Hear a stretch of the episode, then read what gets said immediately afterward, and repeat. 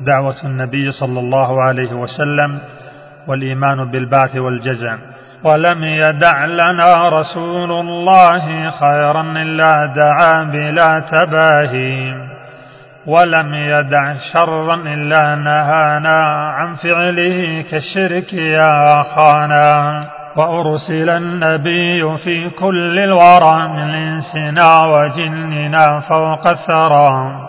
دليله بآية الأعراف فاحذر هديت هفوة المجافي وأكمل الدين به وقلت دليله بقوله أكملت.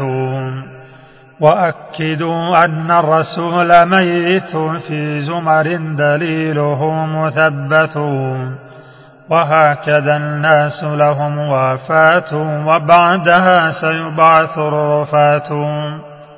دليله من طه يا همام متمم بنوح الكلام.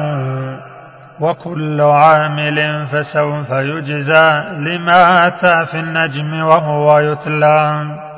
وكفروا مكذبا مآلنا وبالتغاب أكدوا مقالنا.